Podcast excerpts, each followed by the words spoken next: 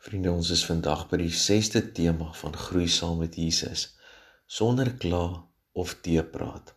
Paulus sê in Filippense 2 vers 14 tot 16a: Doen alles sonder kla of teepraat.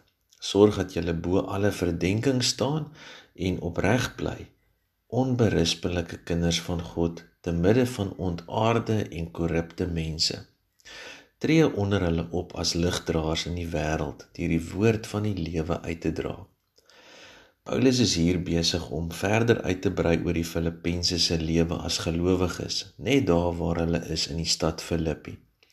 Dit volg direk op sy verwysing na Jesus se voorbeeld van nederigheid en diensbaarheid toe hy op aarde was.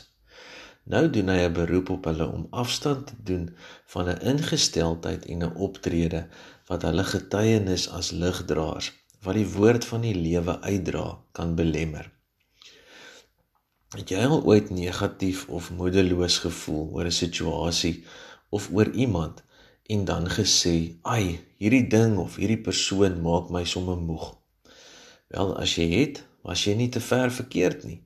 Dit is eenvoudig so dat dit baie harder werk is om negatief te wees as positief. As jy frons, gebruik jy 72 spiertjies in jou gesig. En as jy glimlag, net 15. Doen ons die sommetjie, dan kom ons agter dat een frons byna 5 keer die inspanning van 'n glimlag vereis. Ons kan dit verder prakties so illustreer. Doen gerus die volgende oefening.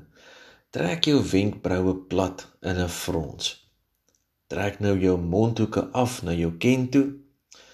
Vou jou arms styf oor jou bors sug sommer diep en sê dan 5 keer in hierdie posisie die woorde dit is te moeilik.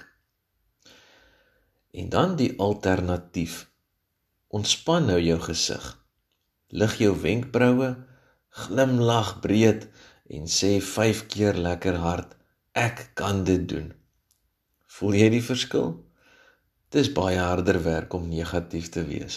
Dieselfde geld vir kla, murmureer en teepraat, die dinge waarvan Paulus in Filippense 2 vers 4 sê dat gelowiges moet wegbly.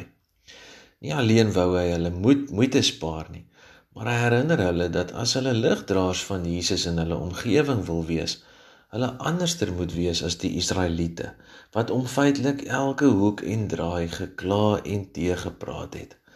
Hierdie houding het hulle uitsig op God se beloftes en troue versorging te alle tye, selfs in die benoudste oomblikke en grootste gevaar belemmer. Dit het hulle in werklikheid by die redenasie uitgebring. As ek God se tipe mag gehad het, sou ek dinge anders gedoen het. Houding van kla en teepraat wanneer dinge nie uitwerk soos ons dit wil hê nie, kan ons maklik in opstand bring teen God. Dit kan afbreek doen aan ons getuienis oor God se sorg en sy groter plan vir ons lewens. Terwyl om alles sonder kla of teepraat te doen, die kollig op God se beheer in ons lewens plaas, sy sorg en sy plan. En hoe meer ons op hom en sy beloftes fokus, hoe meer sal ons daarvan in ons eie lewens begin raak sien. Want waarna ek en jy kyk, bepaal nogals tot 'n groot mate wat ons gaan sien. Kom ons kies om vandag alles wat ons doen, elke uitdaging, geleentheid, omstandigheid waarin ons ons mag bevind, met 'n positiewe ingesteldheid te benader, omdat ons vertrou dat God ook daarmee 'n plan het. En kom ons wees op hierdie manier ligdraers in ons wêreld. Amen. Kom ons bid nou saam. Here help my asseblief om in alles wat ek doen en wat ek beleef nie te kla of te te praat nie. Help my om nie u plan met my lewe te bevraagteken of in twyfel te trek nie, maar om u te bly vertrou dat u vir my alles ten goeie sal laat meewerk, omdat u weet hoe en my baie liefhet. Wees u vandag my leidsman. Ek wil u graag volg. Amen.